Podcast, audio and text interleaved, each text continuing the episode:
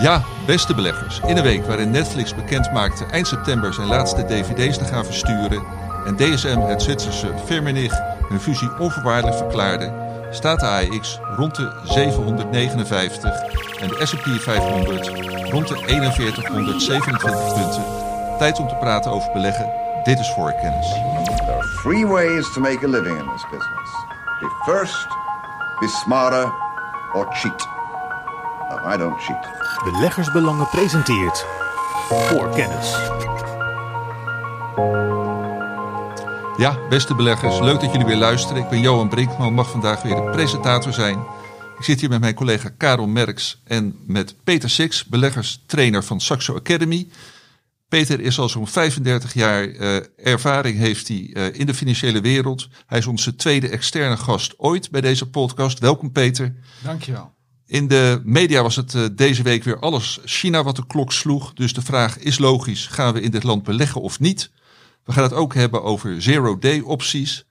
Wat zijn het? Maar vooral is het een bruikbaar instrument voor de serieuze belegger of toch extreme speculatie? En tot slot, hoe kunnen we het gat tussen spaarrentes en obligatierentes verklaren? En kunnen we daar als particuliere belegger van profiteren? Maar we beginnen met terugblikken. Peter, wat is jou de afgelopen week het meest opgevallen? Tja, eigenlijk niks. En dat klinkt een beetje raar, maar de markt die is de laatste maand, die beweegt eigenlijk in een hele nauwe bandbreedte. Ondanks de grote uitslagen die we af en toe zien. Gisteren was natuurlijk Just Eat Takeaway na de cijfers. Um, het slot voor de cijfers was 1525. We openen en we gaan 6% omhoog. Binnen het uur gaan we 11% omlaag. En einde dag onveranderd. Nou, dat geeft voor mij twee dingen weer. Dat het heel lastig is om rond de cijfers te handelen. En ik denk dat je je als belegger ook af moet vragen: hè, wil ik echt gaan inspelen op die cijfers? En zelfs als ze er zijn, dan kan het nog heel snel in hele korte tijd echt grote swings. Ik bedoel, min 11% in ongeveer een half uur. Dat zijn natuurlijk wel hele grote swings. Um, iedere donderdagochtend, iedere maandagochtend zit ik bij de uh, Saxo Stretch Call. Dat zijn de, de macro-analisten van uh, de markten. En de tendens vanochtend was eigenlijk ook, het is een beetje stil. Um, wat er eigenlijk gebeurt in de markt. Tegelijkertijd voelen we allemaal wel iets van een soort onderhuidse spanning. Hè? Want nog niet zo heel lang geleden hadden we natuurlijk te maken met de banken in Amerika. Maar dat is helemaal weggeëpt. Dat zie je bijvoorbeeld terug in de, in de VIX-index, de onrustbarometer. Die stond toen 25, was opgelopen. Die handelt nu weer rond de 17. En dat is eigenlijk wel weer laag. Um, en het is nu denk ik vooral wachten op de, op de centrale banken. En dat is volgende week hebben we natuurlijk de, nee dat is de week daarna is de, de ECB en de FOMC. En ik denk dat die richtinggevend zullen zijn voor de markt in de breedte. Maar als we kijken naar de individuele titels, ja natuurlijk een cijferregen. Maar zoals gezegd, dan vind ik zo'n voorbeeld van uh, Just Eat Takeaway dat het heel lastig is om dat goed te doen als belegger.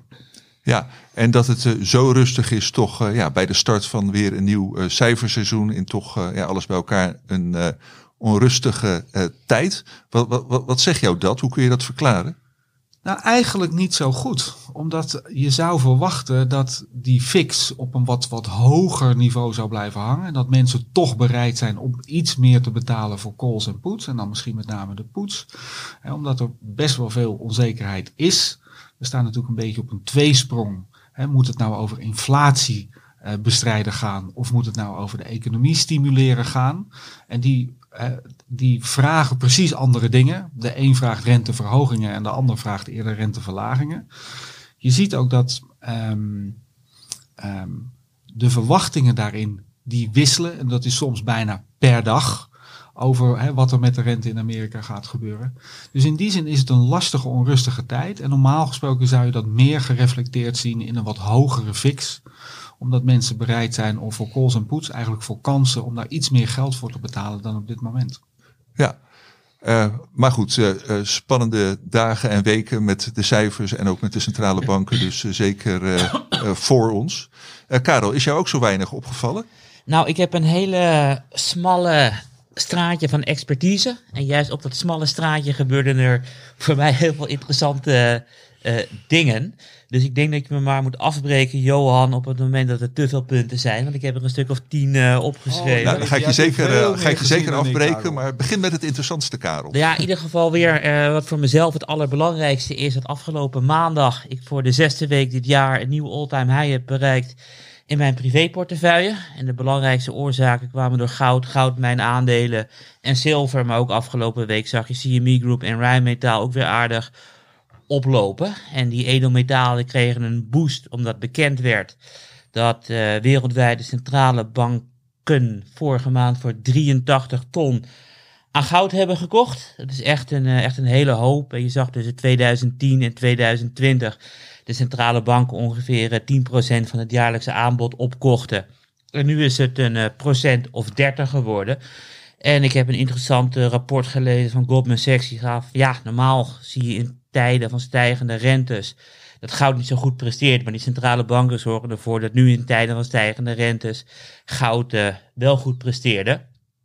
Deze week kwam ook eh Zilver Instituut uit, het belangrijkste onderzoeksinstituut voor zilver, met een verwachting voor 2023. En de verwachting is dat door de elektrificatie eh, van de economieën er weer een nieuw all-time high zal worden bereikt in het eh, gebruik van zilver door de industrie. En omdat de mijnbouw eh, langzaam eh, krimpt, eh, zit de markt voor het zoveelste jaar weer in een eh, tekort.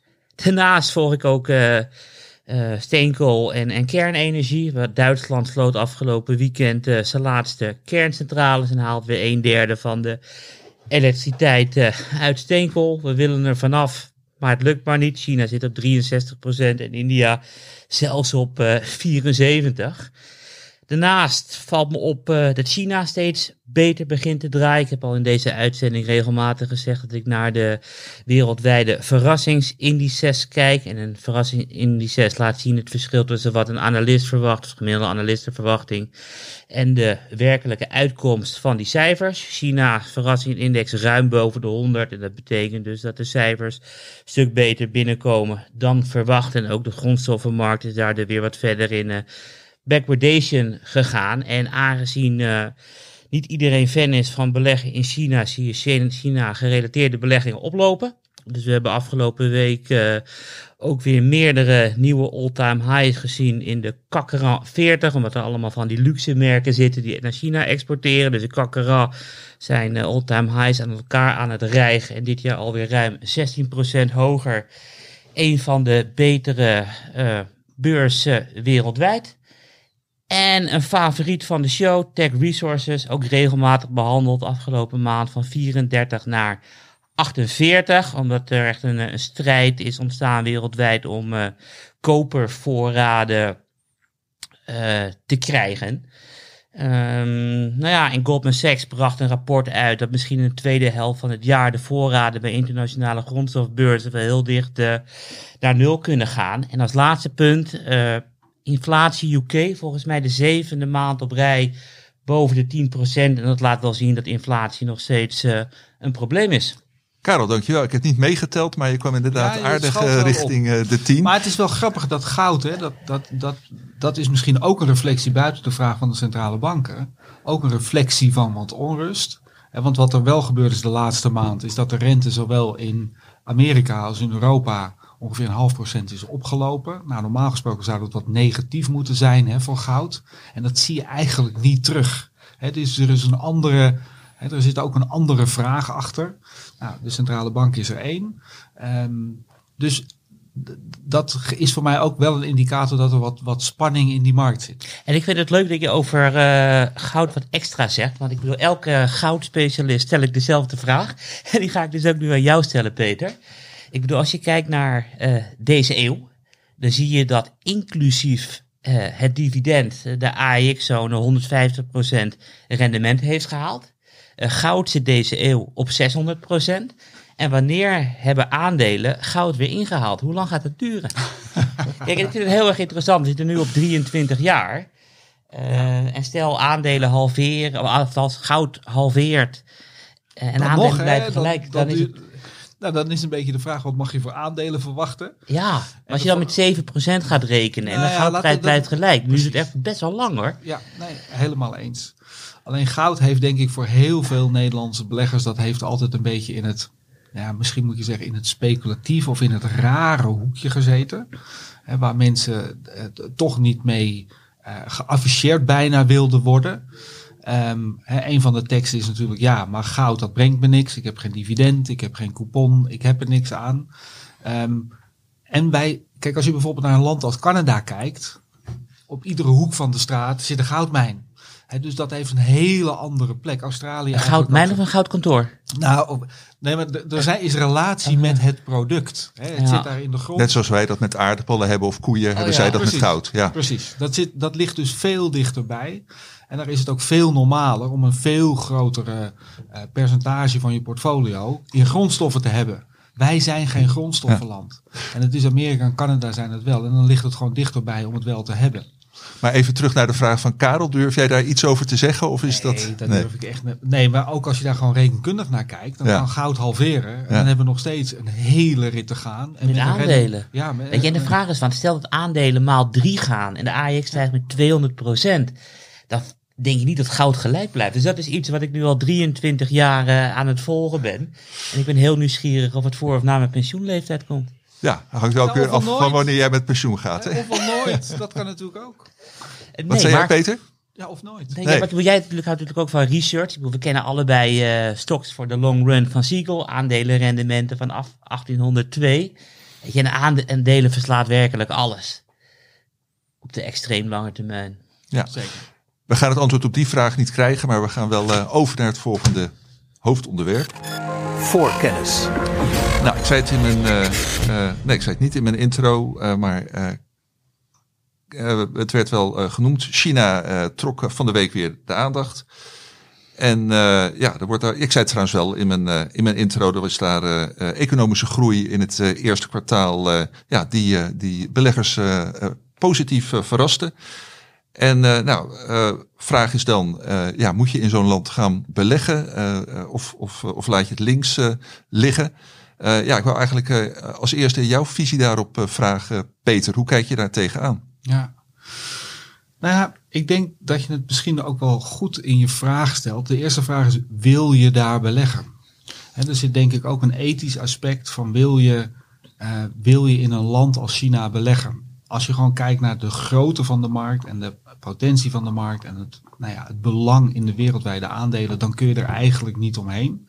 Desalniettemin kun je als belegger afvragen, ja, wil ik, wil ik daar beleggen? En dat moet iedereen voor zichzelf beantwoorden. En ik wil daar ook geen, geen waardeoordeel eh, over vellen. Maar het is denk ik wel goed om daar gewoon voor jezelf als belegger over na te denken. Gaat het me puur om rendement? Of vind ik een bepaald ethisch aspect daarin ook belangrijk? Ja, en dan heb je het over dingen als mensenrecht, eh, eh, geopolitiek, et cetera. Precies, Ja. precies. Als je er denk ik gewoon vanuit een puur rendementperspectief naar kijkt, dan is het in ieder geval iets wat je zou moeten overwegen om dat te doen. Ik heb vanochtend even gebeld met onze ehm, strategist in Hongkong. En die zit dicht op de Chinese markt. En die zei, ehm, ehm, het sentiment is op dit moment, ondanks de goede groeicijfers, hij noemde het, it was a bit downbeat. Nou, normaal gesproken is dat een mooie contra-indicator. Hè, om te zeggen van misschien moet ik er wel in. Daarbij hebben ze groei laten zien. En daarbij is de Chinese overheid ook gewoon, die wil gewoon de groei hebben. En ze zijn dus aan het verruimen qua kredieten. Dus ik denk dat je het moet willen. Ehm, dan is de volgende vraag van ja, hoe ga je dat dan doen? Ehm, ik zelf ben ik, voor mezelf maak ik een heel onduidelijk onderscheid tussen beleggen, dat is saai, goed gespreid voor de lange termijn, versus het offensievere gedeelte van de portefeuille, waarin je meer specifieke keuzes maakt op dingen. Ehm, en dan is de vraag, wil je op een specifiek stuk van de hè, Chinese economie inzetten, of zeg je van nee, ik wil het juist breed doen? En als je zegt, ik ga voor de brede aanpak, dan zou je dat bijvoorbeeld met een ETF kunnen doen. En dan is de CSI 300. Die heeft een, eigenlijk een redelijk goede verdeling over alle sectoren. En de A-shares inclusion, de MSCI A-shares inclusion, die heeft datzelfde.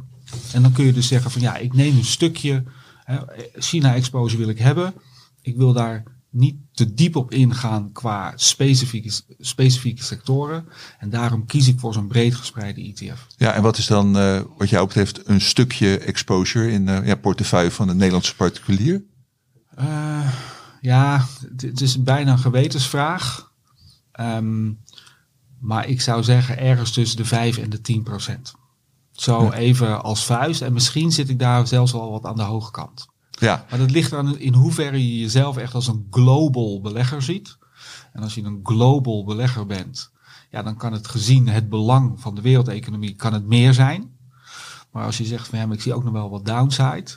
Um, dan zul je ergens tussen die 5 en 10 procent uitkomen. En het hangt dan misschien ook af of je ook nog in andere opkomende markten uh, belegt. Uh, maar goed, 5 à 10 procent is een, uh, een richting die jij aangeeft. Ja, ja.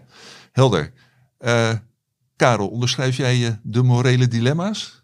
Ja, zeker weten. Ik ben het volledig met Peter eens uh, dat wij niet voor andere mensen moeten bepalen wat goed is of uh, wat fout is.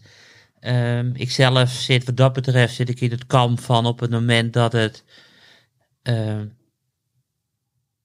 mag, heb ik er geen uh, bezwaar tegen. Dus maar even om een heel duidelijk voorbeeldje te geven. We hebben met de VN hebben we afgesproken, clusterbommen zijn heel fout. Nou ja, wij handhaven de VN-regels in Nederland, dus wij kunnen niet in Amerikaanse bedrijven beleggen die clusterbommen fabriceren. Weet je, en wij kunnen beleggen in, in China, dus ik vind dat als beleggers dat willen, dat ze dat ook moeten doen. En ik ga geen uh, oordeel vellen over die mensen, omdat China een ander inrichting van de staat heeft uh, dan Nederland. Ik uh, beleg niet in China. Kijk, en de reden waarom ik niet in China beleg is omdat ik wereldwijd denk dat we niet in een globaliserende wereld zitten, maar in een, in een deglobaliserende wereld. En ik heb een heel eenvoudig meetding bij de Bank of International Settlement en de Wereldbank hoe ik dat meet. Ik kijk van wat is de omvang uh, van de wereldeconomie en welk percentage van die wereldeconomie komt door exportorders. En op het moment dat uh, er steeds meer exportorders zijn, zijn we aan het uh, globaliseren. En op het moment dat er steeds minder exportorders zijn, relatief ten opzichte van de wereldeconomie, dan zijn we aan het uh, deglobaliseren. En dat zijn op zich zijn dat extreem sterke trends. En die zijn goed bijgehouden vanaf 1802. Um, en als je dan kijkt vanaf 1802 tot en met eh, 1910, dan zie je dat gewoon bijna elk jaar er meer exportorders zijn, procentueel ten opzichte van, de, van de wereldeconomie. En zijn we dus met z'n allen aan het globaliseren. En tussen 1910 en eind jaren 40 van de vorige eeuw wordt het steeds minder, zijn we aan het deglobaliseren. En tot en met 2008, 2014 zijn we weer aan het uh, globaliseren. En ik heb het ook al wel vaker gezegd, uh, een hele mooie Franse uitspraak van een Franse filosoof 200 jaar geleden, die zei van, als goederen uh, de grens niet passeren, dan zullen soldaten dat doen. En in een deglobaliserende wereld beleg ik liever in, uh, in landen met wie we een goede relatie hebben dan in landen met wie we een steeds slechtere relatie krijgen. En dat ik dan gewoon de nieuws een beetje volgen er ook heel veel over reshoring, dus productie naar huis halen, of mm -hmm. friendshoring, productie doen in landen met wie wij vrienden zijn. En uiteindelijk zijn we dan uh, steeds, uh, ja, steeds meer zelf aan het doen. En als je dan kijkt wanneer de grootste ongelukken op de beurs zijn gebe gebeurd, het zijn ook in een deglobaliserende wereld. Ik bedoel, we hebben twee beurzen die vanaf vandaag op morgen uh, naar nul zijn gegaan. Dat was de Russische beurs in 1917 en eind jaren 40 uh, de Chinese beurs. En ik heb geen idee hoe de machtsovergang zal gaan van de, de Verenigde Staten naar China als mogelijke wereldmacht. Ik bedoel, er kwam natuurlijk oorlog toen uh, de Britten het overname van de Nederlanders. En er kwam oorlog toen de Amerikanen het overname van de Britten. En wat er nu allemaal in Taiwan aan gebeurd is. Ik heb geen idee hoe dat gaat eindigen. Dus persoonlijk wil ik dus geen geld hebben zitten in China. En vind ik het veel interessanter. Maar eh, gewoon omdat je het risico te groot vindt, komt het daarop neer? Het risico te groot. Wat ik bedoel, ehm, je weet niet wat er gaat gebeuren. Misschien worden we er wel een, een bipolaire wereld. één onder leiding van Amerika, één onder leiding van China. En kunnen we niet meer geld vrij bewegen tussen systemen. Ik, ik, ik weet het niet. Maar Nee, ben, wat- ben je daar ook zo negatief eh, of onzeker over, Peter? Nou, ik vind het sowieso interessant deze invalshoek. Hè. Dat is dat, dat deglobaliseren. In de, in de outlook, de, de Q2-outlook van de Saxo Strats, dat is ook de fragmentation game. En dat haakt hier eigenlijk gewoon naadloos op in. Die beweging, die, die, die gebeurt gewoon. Ik denk dat China dat dat heel lastig is. Als we bijvoorbeeld nu kijken hoe ze zich eh, verhouden tot Rusland. Ze blijven beide kanten bedienen. Maar dat gaat natuurlijk anders worden mochten ze iets gaan doen met Taiwan. En duurt dat nog tien jaar of duurt dat eh, twee jaar? Je weet het niet. Dat is, dat is een lastige keus.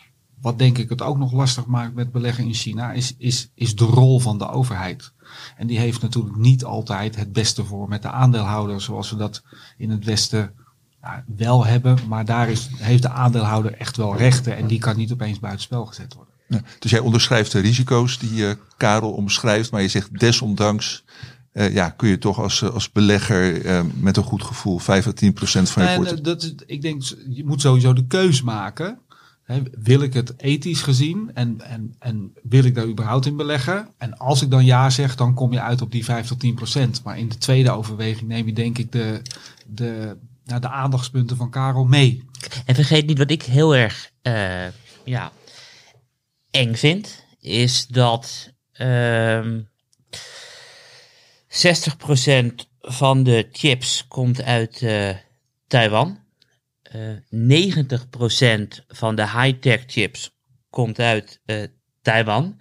Amerika is eh, Europa onder druk aan het zetten om steeds minder chipmachines en dergelijke te leveren naar China. Eh, Amerika kan ons onder druk zetten, want Amerika zegt letterlijk: Oekraïne is een Europees probleem. Jullie hebben geen defensie, dus wij moeten jullie probleem in Oekraïne gaan oplossen. En dat betekent dus dat jullie onze kant kiezen in, de strijd met China. Dus ASML mag geen machines leveren, et cetera. Op het moment dat het cordon rond China steeds strakker wordt, eh, en China heeft ook geen chips meer. Denk ik, nou ja, dan het Westen ook maar geen chips. Ehm, dus ja, dit zou wel een strategisch moment zijn om Taiwan binnen te vallen en niet over, nou ja, wat heeft Xi gezegd? Voor 2049 is het gebeurd. Ik bedoel, Amerika en Europa is nu steeds meer productie.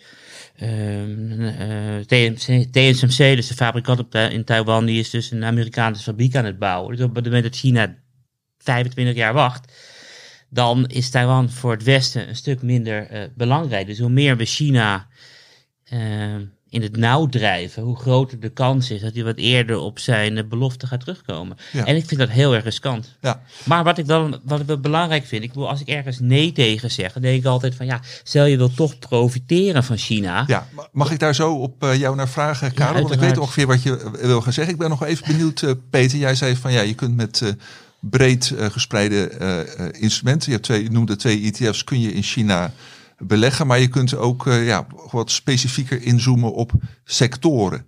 Eh, dat heb ik toch goed begrepen, hè? Ja, dat kan, Ja, dat ja. kan ons beleggen. En En, en, zijn- en heb je daar eh, voorbeelden van, van sectoren die jij in China veelbelovend vindt? Nou, als je nu bijvoorbeeld kijkt naar luxury goods, hè, dat is een van de thema's die het dit jaar het beste gedaan heeft. Ehm, en we, we houden een aantal thema's bij en dan staat luxury, die staat daar op één hè, voor performance year to date. Ehm, wat je ziet in de Chinese markt, dat die, eh, zoals we wellicht denken, dat ze vooral op zoek zijn naar de Europese merken. Dat is niet zo. Ze zijn ook heel erg bezig met het creëren van Chinese A-plus merken. Hè, waar veel geld voor geboden wordt. Dus dat zou er één kunnen zijn. Ja, kun je, mag je daar concrete aandelen eh, Nee. op noemen? Nee, dat, sorry. Nee, Nee. Oké, nee, nee, maar goed. is, eh, eh, ik, eh, ik vraag het Ja, en jij mag zeker. nee zeggen. Niet gevraagd, dus, eh, Oké. Ehm, en een andere zou toch wel kunnen zijn, dat is de, hè, de green transformation. Ehm, ondanks dat ze, zoals Karel zegt, in de 60% van hun energiebehoefte voldoen en met kool, is dat toch wel iets waar ze op inzetten. En dat zou ook nog een richting kunnen zijn binnen China. Elektrische auto's en alles, eh, eh, Ja. windenergie, eh, zonne-energie. Maar, maar vergeet ook niet, Johan, 90% van alle magneten wereldwijd komt uit China. Dus er zijn, Ja. En ook, ik geloof 98% van de zeldzame aardmetalen die het Westen nodig hebben, komt uit China. Ja. Dus hun rol in die energietransitie die is eh, heel erg groot. En daar zou je als belegger ook eh, naar kunnen kijken als je naar individuele sectoren in, in China kijkt. Ja. Oké. Karel, eh, jij zou niet eh, direct in China beleggen, dat vind je te riskant. Maar je ziet wel alternatieven. Vertel. Ja, bijvoorbeeld, eh, ik, ga, ik heb in deze show ook vaker gezegd, bijvoorbeeld Indonesië, omdat Indonesië heel veel handelt met China en Indonesië is een stuk vrijer dan China, maar er zijn nog veel eh, meer mogelijkheden. Een van die mogelijkheden is in Japan. Want Japan's grootste, dat wist ik niet eens, grootste handelspartner is China. Ik had verwacht dat het een ander land zou zijn, maar ze handelen heel veel met China.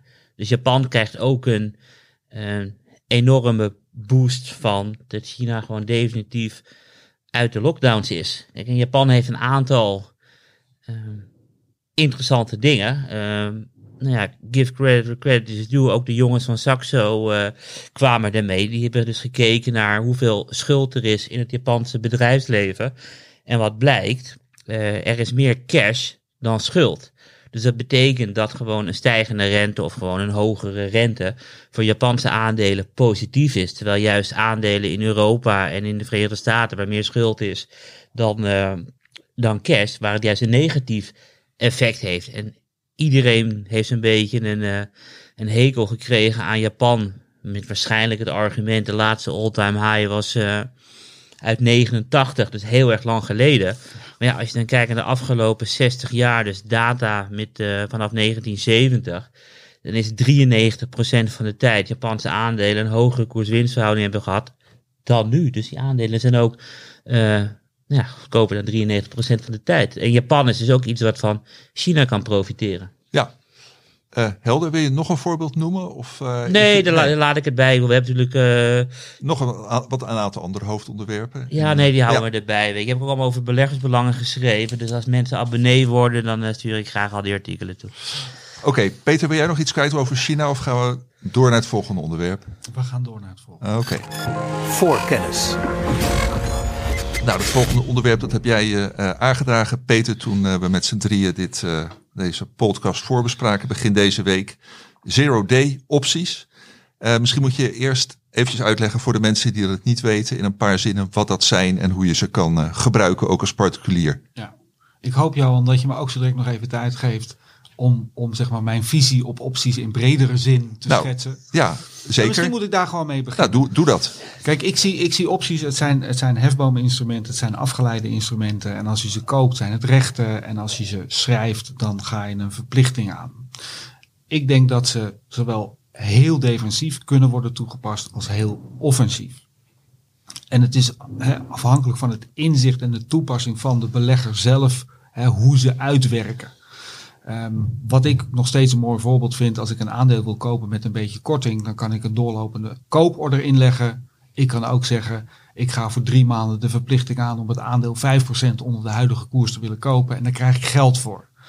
En als ik ze niet binnenkrijg, heb ik in ieder geval die optiepremie verdiend. Dat is wat mij betreft een slimme manier. En dan zeggen mensen, ja, maar dat is toch hartstikke gevaarlijk, een poet schrijven. Ja, maar als ik 100 aandelen koop op 20, of ik schrijf de poet 20 waar ik 2 euro voor krijg. Dan is voor mij helder dat die poet, want dan koop ik ze effectief op 18. Dat is dus niet risicovoller. Waar het fout gaat, is dan de grootte waarin mensen dat doen. Een andere toepassing die ik, eh, waar mensen denk ik wat vaker over na zouden kunnen denken. Hè, zou ik een aantal aandelen uit mijn portefeuille voor 10, 15 procent hoger dan de huidige koers op het einde van het jaar willen verkopen? Nou, als je daar ja op zegt, dan zou je die verkooporder in kunnen leggen. Je kunt ook zeggen, ik leg de call optie, hè, de, verkopen van de call 10, 15 procent hoger, die leg ik gewoon in. Als die gehaald wordt, raak ik mijn stukje kwijt. En als die niet gehaald wordt, dan kan ik de ontvangen premie in mijn zak steken. Hè, dus opties zijn voor mij een heel breed eh, palet aan mogelijkheden. En als je gaat kijken bij de toepassing, dan gaat het vaak fout in de, in de size, in de grootte waarin mensen dat doen. Ehm, maar dat neemt niet weg dat het een krachtig instrument is en zoals gezegd zowel defensief als offensief toe te passen. Dan naar de, de zero days to expiry options. Dat zijn eigenlijk dagopties. In Nederland kennen we die al wat langer. En daarmee was de AIX ook een van de weinige beurzen die dat had. Ik weet dat ik nog wel eens, ik denk wel acht jaar geleden, toen nog voor Bink, wat nu dus Saxo geworden is, ehm, heb ik daar wel eens lezingen over gehouden voor de, voor de Italiaanse klanten. Want Italiaanse klanten die houden heel erg van handelen. Nou, dan is natuurlijk zo'n dagoptie fantastisch. De dagoptie van morgen, hè, die wordt vandaag geïntroduceerd. En dan weet je dat die morgen expireert. En dan ben je om vier uur, weet je gewoon hoe je ervoor staat. Wat zijn het? Het zijn dus heel kortlopende opties. Ehm, en wat we zien is dat gewoon de toename van de omzet in met name de kortlopende opties, dat neemt heel erg toe. In Nederland of wereldwijd? Nee, of? wereldwijd. In Ja. Nederland is het, is het een, denk ik, de dagopties zijn succesvol geweest. Hè, want indexopties is ongeveer de helft van wat er omgaat op de beurs. En dan zit de bulk in het, in het kortere, met de kortere looptijden. Maar dat is nu nog wat extremer geworden in Amerika. En het, eh, het lijkt ook dat een gedeelte van die vraag, die komt voort hè, vanuit, noem het even de Reddit community. Daar, waarin ze wat meer ja, eh, onder de aandacht worden gebracht, laat ik het zo zeggen. En de vraag is, ja, hoe, hoe, hoe moet je daar naar kijken? Hè? Wat, wat, wat is het? Is het nou een speculatieding? Ten eerste denk ik, als je er iets in wilt of gaat doen, hè, want ik ken ook klanten die handelen eh, echt serieus in de AIX-dagopties, maar dat is bijna een dagtaak. Hè, dat is gewoon, dan gaat de computer om half negen aan en die gaat om kwart voor zes weer uit.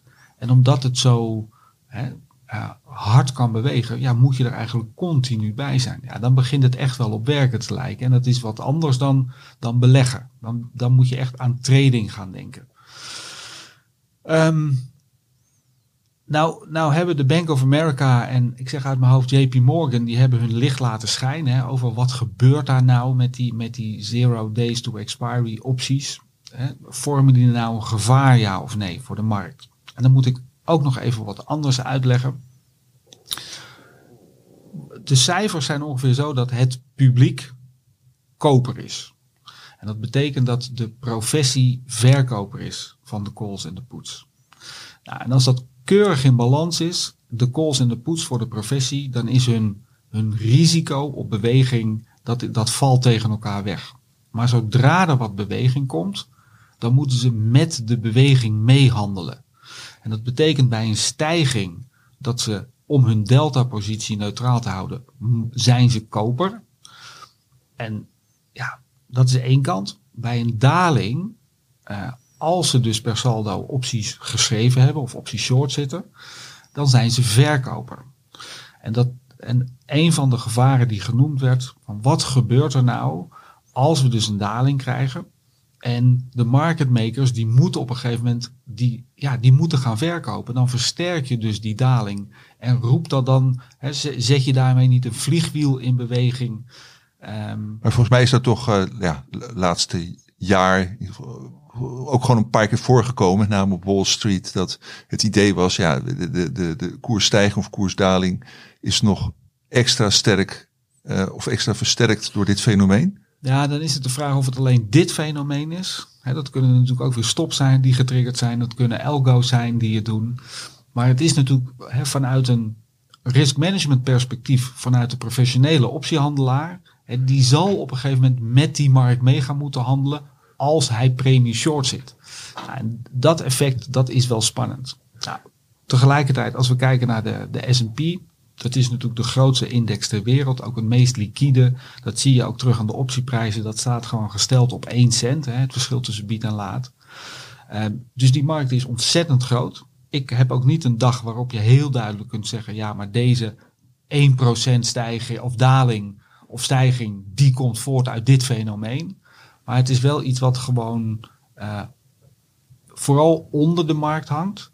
Ehm, hè, want de meeste ehm, delta's die zullen bij een wat lagere beurs, die zullen afgedekt moeten worden. In de zin dat dus de market maker mee moet gaan handelen met de beweging en dan vooral naar beneden. Dus die zou de beweging naar beneden kunnen versterken. Ja. En dit neemt toe in jouw ogen. Nou ja, dat laten de cijfers zien Ja, dat dat ja. gebeurt. Ja. Kijk, tegelijkertijd als het publiek, en, en zo simpel is het natuurlijk niet, want er zijn heel veel partijen die op deze markt actief zijn. Maar als het publiek per saldo koper is, en het kost iedere dag een heel klein beetje geld omdat de beweging niet komt, ja, op een gegeven moment stop je daarmee. Hè, dan, dan, dan, dan, zal die, dan zal het ook afnemen. Maar de cijfers laten dat op dit moment nog niet zien. Nee. En eh, ja, kun je dit dan eigenlijk voornamelijk verklaren uit ja, het toenemende gebruik van Reddit-achtige communities, waarbij beleggers elkaar ja, aansporen om bepaalde dingen wel of niet te doen? Ehm, nou, gedeeltelijk. Want als je kijkt naar de, de, de totale percentage van, van retailparticipatie, is dat niet 60 of 70 procent. Hè, zoals in de Chinese aandelenmarkt, wat vooral door retail gedreven wordt. Dat, dat zie je hier niet. Het ligt rond de 15 tot 20 procent. Ehm, dus nee, er zitten ook veel andere partijen in. Ja, en wat, er, uh, wat de Amerikaanse consumenten doen, zie je dat ook terug in Nederland? Uh, wat betreft uh, ja, de, de toename van het gebruik van, van deze instrumenten? Nou, de mensen die ik ken die ze langer handelen, die zullen veel meer hun positie initiëren vanuit de short. Die beginnen dus met het schrijven van vaak call en put.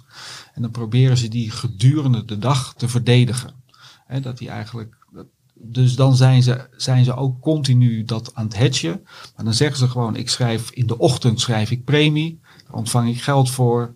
En ik weet dat als we niet al te veel bewegen vandaag, dat ik aan het einde van de dag, en dat is dan om vier uur, hè, dan heb ik als alles goed gaat, heb ik de premie binnen. Maar ja, een beurs beweegt, dus je zult onderweg links en rechts wat moeten hedgen. Maar die mensen zijn er ook echt mee bezig. Ja, en die keuze moet je dus uh, maken als belegger ja. om dat uh, ja. te willen, om dat leuk te vinden. Maar goed, jij, uh, ik vind dat leuk als belegger, lijkt me wat. Raad je mij het dan ook vanuit ja, beleggersperspectief, rendementsperspectief aan? Nou, ik denk dat, dat je, als je dit doet, dan moet je, dan moet je niet zozeer beleggen leuk vinden, maar dan moet je traden leuk vinden. En dan moet je bereid zijn om ook de tijd die daarbij hoort, om die te besteden aan het traden. Maar je gaat eigenlijk. Kijk, ik denk persoonlijk niet dat je dit erbij kan doen. Nee. Dat, dat, dat kan alleen als jij s ochtends bereid bent van, nou ja, ik investeer 250 euro in optiepremie, want ik denk dat de markt omhoog gaat. Uh, ik koop ze. Ik ga rustig naar de supermarkt. Ik ga rustig een kopje koffie drinken hè, met een vriend aan de overkant van de straat. En om vier uur zie ik wel wat het geworden is. Want dan word ik automatisch cash gesetteld. Hè, dat zou een keus kunnen zijn. Ik denk dat dat op de lange termijn uh, niet, uh, niet uh, rendabel is. Nee, helder. Karel, jij kent ongetwijfeld het, het fenomeen. Ben je er ook een voor- of tegenstander van? Nou ja, ik hou wel van getallenvoorbeelden. Dus als je dan kijkt in de vijf jaar voor de pandemie. Toen handelden we in de Verenigde Staten gemiddeld per dag 10 à 15 miljoen call- en, en put-opties. 10 à 15 miljoen afgelopen kwartaal, dus eerste kwartaal uh, 23. Uh, 48,5 miljoen, dus echt gewoon een, een veelvoud. Dus het loopt inderdaad zeer, zeer sterk op. En ik vind ook altijd wel leuk om, uh, om een voorbeeldje te geven. Dus ik heb eventjes afgelopen maandag gekeken op welke stand de S&P 500 opende. Het was op 41,45. En aangezien die markt ook zo liquide is, zou je bijvoorbeeld een, een call optie kunnen kopen met als uitoefenprijs 41,45. Precies een, uh, hoe heet dat? Een at the money uh, call optie. Daar betaal je dus 8 voor. Dus als je dan optelt, 45 plus 8 betekent dus dat je winst maakt als ze expireren om 10 uur s avonds op, wat is het, 41, 53. Dus ik heb die prijzen eventjes gevolgd. En wat wat gebeurde er? De S&P 500 zakte met drie tiende naar uh, 21, 23. Dus die optie... 41, 23. 41, 23. Wat ja, zei ik? 21. Oh, 41. 3, heel goed dat je ja. scherp meetelt. Uh, dankjewel. Maar ja, toen had die optie had nog een waarde van 15 dollar cent. Dan sta je dus op een verlies intraday van 98 procent. Vervolgens ging de S&P 500 van 41,23 naar 41,51. Dus gewoon weer 5 zestiende de andere kant op. En nu ging die optie 47 keren over de kop. Dus dat je 47 keren je inleg uh, eh, weer terug. 47 keer 15 cent. Ja, precies. En dan kom je dus uit op, eh, wat is het, 6 dollar. Ja. Maar ja, je had er 8 voor betaald. Precies. Je krijgt er eh 6 terug, dus je bent een kwart van je geld kwijt. Maar dan zie je dus wel dat Maar je... de- eigenlijk, Karel, hadden we dus gewoon in moeten laden op 15 cent. Ja, precies. Maar dat, maar, maar dat zie je dus inderdaad op die fora waar, waar je van Reddit of zo zeggen van ja, koop die opties eh, van een paar dubbeltjes. En voor de luisteraars eh, die minder goed in optie zitten, je moet wel even maal 100 doen. Zeker. En dan kan je duizenden procenten eh, winnen. Dus dan is het niet erg dat je zeven van de tien keer al je geld kwijtraakt. Als je maar twee keer. En dat werkt zo als een rode lap stier op die fora. Eh, FOMO, fear of missing out. Het is echt gewoon spannend om dit soort dingen te doen. Doe je het zelf wel eens, Karel? Eh, nee, want ik bedoel, A, ik vind het heerlijk om eh, te lezen en, en na te denken. En als ik zo'n positie heb, dan eh, lever ik geen enkel artikel meer op tijd bij jou aan. Dan zit ik alleen maar bij het scherm. Want het inderdaad. Ja, want dan wil je toch die koers omhoog kijken. Hè? Dat, Ja, precies. Maar je, maar Nee, maar dat is dus denk ik gewoon heel belangrijk. Dat, Karel die geeft dat mooi aan. Dat, je, dat, dat is dus heel wat anders dan beleggen. En zelfs voor een actieve belegger, hè, die kan rustig eens een keer twee dagen niet naar die, niet naar die beurs kijken. Hè, en dan gebeurt, dan gebeurt er helemaal niks. Maar als je dit soort dingen gaat doen, dan is het ook een soort magneet. Want als jij die positie hebt en als je 15 cent keer 100, dat is 15 dollar moet betalen, dan zeg je nou, doe maar 10 contracten. Dat is 150 dollar, dat is mijn maximale verlies, dat weet ik. Maar de rest van de avond, ja, het enige wat je doet is natuurlijk naar de scherm kijken. ja, maar duizenden euro's. Het zijn gewoon. ja, ja, ja. dat verdien je niet in een maand wat je in een avond erbij krijgt. Nee, dat- als, maar kijk, dat, als het goed gaat. En, en hier, dit is natuurlijk En ook de de vraag is, wanneer ga je eruit? Want ik bedoel, ik, ik zat dus, want op het moment dat je zo'n at the money hebt, die kan dus van eh, met, met winst expireren of met verlies. En ik heb genoeg opties, eh, strikes gezien in het laatste uur van de handel, nog van duizenden procent in de plus naar nul, alles Ja. kwijt. Ja. Dus wanneer ga je eruit? Ik bedoel, Kortom, jullie zien dit niet als een eh, serieuze belegging en eh, inderdaad heel erg speculatief. Maar, ja, maar het heeft, wel, het heeft wel mijn voorkeur boven een casino, dit. Wel een voorkeur boven Ja. casino. Nee, Nou, dat, die- dat, dat sowieso. ik denk, maar als je zegt van ik vind het interessant, benader het dan ook niet als pure speculatie. Zeg dan gewoon, wat zijn nou slimme dingen om dit zo goed mogelijk te doen? En een van de dingen waar je dan over na moet denken, ik kan het kopen, hè, ik kan die positie openen, maar wanneer sluit ik hem? Hoe doe ik dat? En dan zou je bijvoorbeeld kunnen zeggen, nou, en die 15 cent ga je natuurlijk nooit betalen. Maar stel je hebt een kwartje betaald en je koopt 10 van die, hè, van die calls. Dat is 250 dollar investering. Dan zou je bijvoorbeeld kunnen zeggen, nou, als we 60 cent doen, dan verkoop ik er 5. Dan heb ik mijn geld van tafel. En dan kan ik ook weer tegelijkertijd Netflix kijken. Want dan weet ik in ieder geval Ja. mijn geld En als je een echt spanning wil, dan doe je het of bij eh, een Federal Reserve meeting. Maar die is s'avonds om 8 uur is het eh, rentebesluit. En om half negen gaat eh Paul beginnen met zijn persconferentie. Dus heb je nog anderhalf uur lang. En die koersen bewegen heel heftig. Of op een dag dat er een CPI-cijfer aankomt. En dan zie je dat niet als beleggen, speculant. En dan heb je gewoon een fantastisch avondje beter dan in het casino. Ja, maar Karel, let wel. Als er natuurlijk een cijfer komt, dan zul je eigenlijk niks kunnen kopen voor 15 cent. Want dan is zit er nog zoveel eh, verwachting in, zowel de calls als de puts. Dan is de premie heel hoog. En als het cijfer één keer geweest is, dan zie je dat ook in elkaar zakken. Ja, maar ik bedoel, je moet me nu corrigeren als ik ernaast ga zitten. Want ik bedoel, we hebben ook een optiehandelaar op de redactie. En die zegt wel eens eh, first move, false move. En als je dan bij die eerste move een contraire optie doet. En je hebt nog een, een uurtje de tijd in de Verenigde Staten na een persconferentie. Nee, maar dan, dan, Dan- maar dan is het maar ook dan- na het cijfer. Hè? Doe, dan na het dus cijfer. First ja, move, false move. Ja, en dan. dat kan.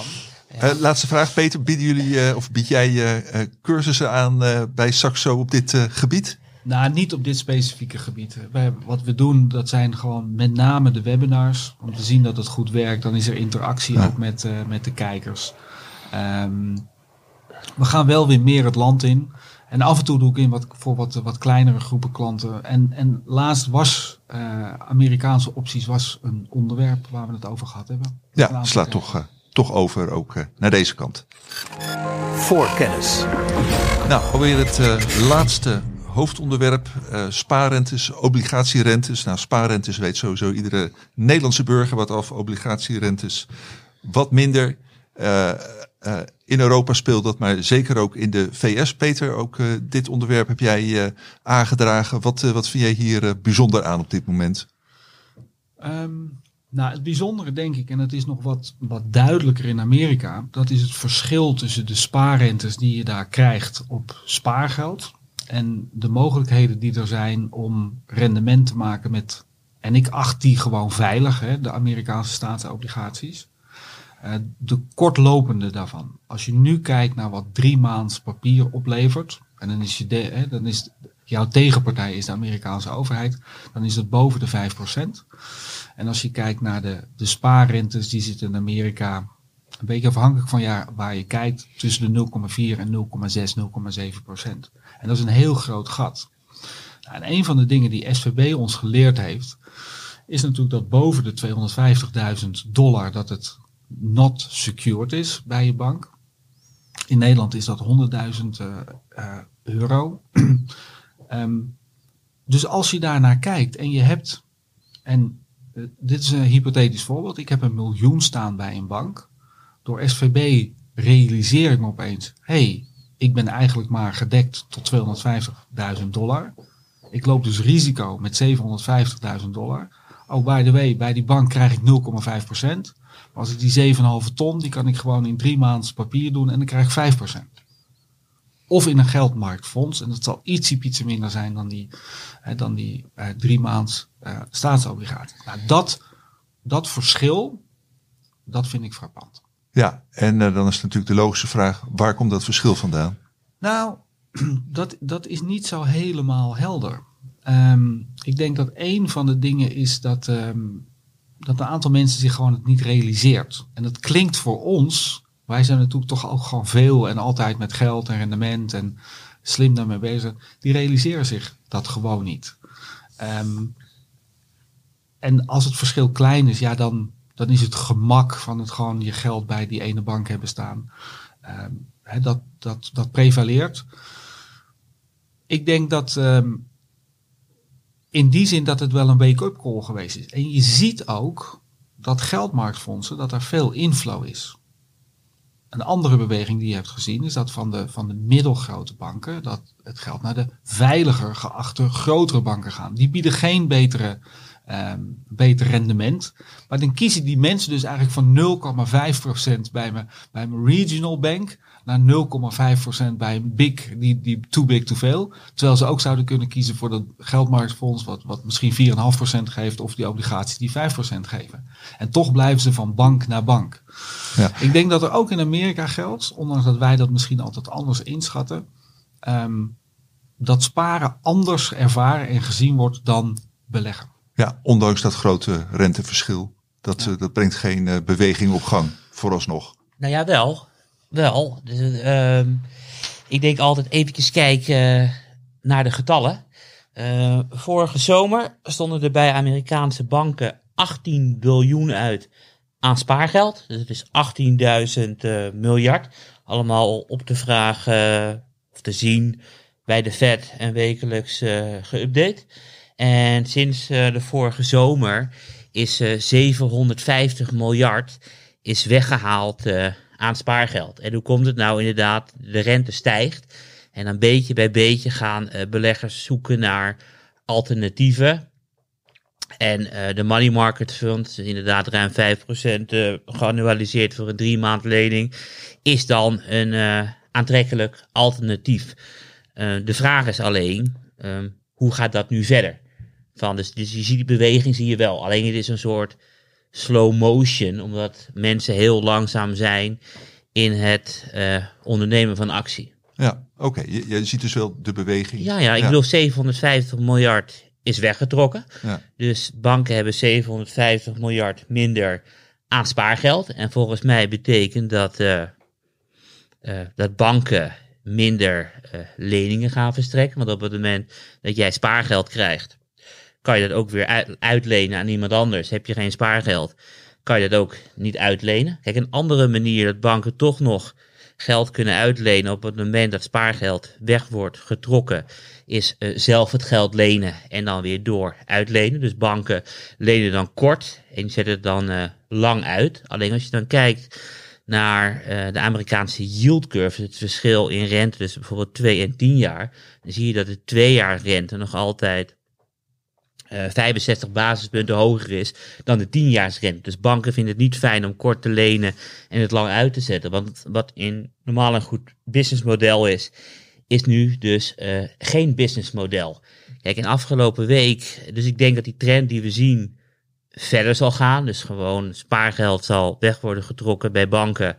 En banken zullen minder geld eh, gaan uitlenen. Dat zie je ook al heel erg duidelijk in de, in de geldhoeveelheid. M2 eh, in vakterm, die is voor het eerst eh, jaar op jaar sinds 1950 nu eh, lichtjes negatief. En ik denk dat we misschien van de week, ik zeg misschien niet zeker, dus dat misschien moeten even mensen in een, even duidelijk horen, dat deze trend kan versnellen. Want we hebben natuurlijk Apple gehad. Die heeft gezegd van jongens, we gaan een, eh, een spaarrekening openen. De gemiddelde spaarrente van al het spaargeld is volgens Apple in de Verenigde Staten 0,38 procent. En wij bieden 4,15 procent. En je weet waarom Apple eh, beroemd is geworden. Dat je op die smartphone heel erg simpel dingen kan doen. Eh, mijn vader is eh, technisch niet goed onderlegd, maar die snapt wel een, een smartphone, omdat het zo eenvoudig is. En als je geld naar staatsobligaties wil verhuizen, of je wil geld verhuizen naar een money market fonds, dan moet je wel even kennis hebben. Op het moment dat je met drie klikken op je iPhone je spaarrente kan tienvoudigen, misschien gebeurt het nog wel. Ja. Maar ook aan jou de vraag, Karel. Hoe kun jij een, heb jij een verklaring voor die kloof tussen die spaarrente en die rente op die kortlopende staatsobligaties? Ja, mijn verklaring is dat ehm, het eigenlijk is zoals altijd. Want dit, soort, dit hebben we eh, veel vaker gezien. Ik bedoel, de laatste keer was eh, tussen 2004 en eh, 2007. Dus de Amerikaanse centrale bank is langzaam eh, de rente aan het verhogen. En beleggers gaan dan ehm, nog langzamer op zoek naar een eh, alternatief.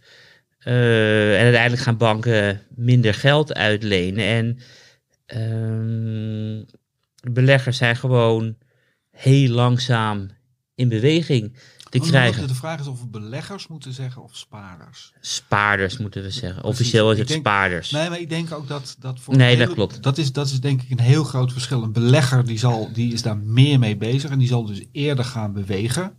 In Nederland ligt het trouwens wel wat anders. Hè? Maar hier is spaarrente heel erg laag. Nee, de- maar daar, is de, daar kunnen we niet een sprong maken van zeg maar een ha- half procent bij de bank en ik maak 5% in Nederlandse staatsobligaties. Nee, want wat krijg je in Nederland voor Nou, staatsobligatie? Drie. Drie, maar, maar Peter, kan ik via Saxo in een staatsobligatie beleggen voor een normale eh coupure? Ja, die coupon maakt niet zoveel uit. Nee, maar ik bedoel meer de hoofdsom bedoel ik. Want ik bedoel, want volgens mij gaan heel veel Nee hoor, staatsobligaties... gaat van, nee, het is vanaf duizend. Dat kan. Oké, en ook aangeboden door de Ja, Saxo. ja. eh, Oké. Ja, nee, dat, dat, dat- dat kan gewoon. En, zie, en zien jullie dat ook gebeuren? Dat spaarders Een beetje. in Nederland... Want waar je in Nederland natuurlijk ook nog mee te maken hebt, dat, dat is, je, je, het, het wordt dan gezien als belegd. Daar wordt een fictief rendement op gemaakt. Dat wordt afgerekend tegen 31%. En dat geeft eigenlijk een effectieve belastingdruk van bijna 2%. Ehm, hè, dus waar je eigenlijk naar op zoek bent, dat zijn Nederlandse staatsobligaties die in, in november ongeveer aflopen. Want dan kun, kan het voor de fiscus is het niet belegd en is het spaargeld en dan is het onbelast. Eh, maar tot die tijd maak je op jaarbasis kun je die 3% maken, maar dan moet je zoeken en de liquiditeit is niet zo groot. Ehm, en er zijn wel een aantal klanten die zijn daarmee bezig. Ehm, en voor de klanten die zeggen, ja, maar ik wil eigenlijk wel wat dollar exposure hebben, ja, die kunnen, waar we het net over hebben, die kunnen natuurlijk ook naar die kortlopende Amerikaanse staatsobligaties gaan. En die maken gewoon 4,8, 4,9. In een aantal gevallen zelfs nog wat hoger. Ja, en beleggers zijn daarmee bezig, maar spaarders in Nederland zie je daar ook niet mee bezig. Nee, dat is. Ik zie. ehm, en dat, dat is denk ik, en daar we blijven altijd werk houden, Karel. Ehm, Gelukkig. nee, maar in de, in de zin, dat is denk ik een, een bijna een soort. eh, eh, ehm, ja, een gospel. Ik denk dat het verstandig is dat mensen meer beleggen, maar voor de lange termijn. Dus eigenlijk zouden we dat met de paplepel in moeten gieten. Als we gewoon kijken naar de langjarige rendementen, eh, dan verslaat beleggen sparen. Ehm, dus het liefste zou ik zien als mensen gebo- kinderen geboren worden, dat, dat de ouders of de grootouders zeggen: ik open geen spaarrekening. Nee, ik open een beleggersrekening. En ik ga dus echt met de paplepel ingieten. En natuurlijk zal ik de eerste jaren, zal ik zelf iedere, iedere keer die 100 of 200 euro per maand moeten storten. Maar dan worden mensen veel meer een belegger. En wat je ziet is het heel moeilijk om van een spaarder een belegger te maken. Ja, nou, probleem waar wij ook met uh, beleggersbelangen Ja, zeker. Mee te maken hebben. Dat, eh, Ja. ja. mensen, en mensen willen wel, maar de stap om daadwerkelijk te gaan doen is... Maar eh, ik denk dus, eh, jullie zeiden in de aankondiging lopen al 35 jaar mee. En ja, helaas is het, of misschien goed, dat is zo. Maar als ik dat vergelijk met de mogelijkheden nu en de kosten nu in vergelijking met eind jaren 80, dat is niet te vergelijken. mogelijkheden zijn veel groter geworden. Ja, en de kosten zijn zoveel lager. En het gemak hè, vanaf internet. Het is rekening open, geld overmaken. En eh, je kunt met een paar klikken, dan heb je ook een wereldwijd mandje. En daar zitten 1500 aandelen in. Ja, ja. Nou, dan heb je de spreiding in één keer te pakken tegen lage kosten. En dat zijn natuurlijk prima producten om voor de lange termijn Ja. mee, te beleggen. Prachtige pleidooi, Ja. Peter, om eh, te gaan beleggen voor de niet beleggende luisteraars, als die er, Nou er zijn. Nou, misschien vast is wel. het de, de buurman, hè, of de kinderen, of de kleinkinderen. Ja, ja. En, of als er een kleine aankomt, eh, hier, hierover nadenken. Precies. Ehm, ik wou dit onderwerp afronden. Voorkennis. En eh, nog eventjes eh, snel aan jullie vragen of jullie eh, een speciaal evenement hebben waarin jullie volgende week, de week van eh, Koningsdag, eh, naar vooruit kijken. Peter, Ja, er is één, één speciaal evenement. Ik vlieg met mijn dochter naar New York. En ik ben mijn best aan het doen om te kijken of ik op Wall Street eh, kan komen. Want om daar even rondgewandeld te hebben, dat, dat, dat zou ik wel leuk vinden. ja, Ehm, en daarna qua markt, denk ik, afgezien van de bedrijfscijfers hè, die we gaan krijgen, ehm, denk ik dat het gewoon vooral over de ECB en over de Fed gaat. Hè. Wat, wat die zeggen, welke ehm, eh, data-driven hè, is alles natuurlijk, welke data zij zien en hoe zij commentaar zullen geven op de renteontwikkelingen. helder. Karel, Ehm, volgende week is eh, Koningsnacht. En op Koningsnacht komt eh, een van mijn grotere posities in mijn portefeuille met cijfers. Dat is CME Group. Dus ik ben niet in Den Haag, maar eh, ik ben gewoon aan het kijken wat CME eh, te melden heeft. kijk, dat zijn de echte fanatiekelingen. Hè? Dat, Zeker weten. En ik zag heel recent dat Wisdom Tree een beleggingsproduct gelanceerd heeft op eh, de prijs om koolstof te mogen uitstoten in de Amerikaanse staat California. En zoals de trouwe luisteraar weet, hebben wij een eh, koopadvies bij beleggersbelangen op eh, een product die profiteert van prijsstijging om Europees koolstof te mogen uitstoten. En ik ga even kijken of dit beleggingsproduct net zo interessant is als de Europese variant waar we een koop op hebben. Hartstikke goed, eh, Karel. En eh, iets om eh, zeker weer een keer over door te praten met jou. Peter, heel erg bedankt. En nou, ik, ik wens jou en je dochter niet op de laatste plaats heel veel plezier in New York volgende week. En zorg voor mooie uitslagen daar. Dat zou natuurlijk helemaal fantastisch zijn. Ja. Karel, jij ook bedankt. Luisteraars en kijkers, bedankt voor het consumeren van dit mooie uurtje beleggersinformatie.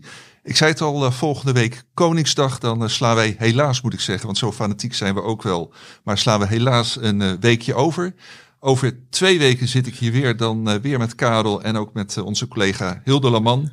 Heeft u vragen voor een van beide heren, mail die dan naar voorkennis.beleggersbelangen.nl. Eh, en nou, verder gewoon, heren, nogmaals bedankt. Tot volgende week.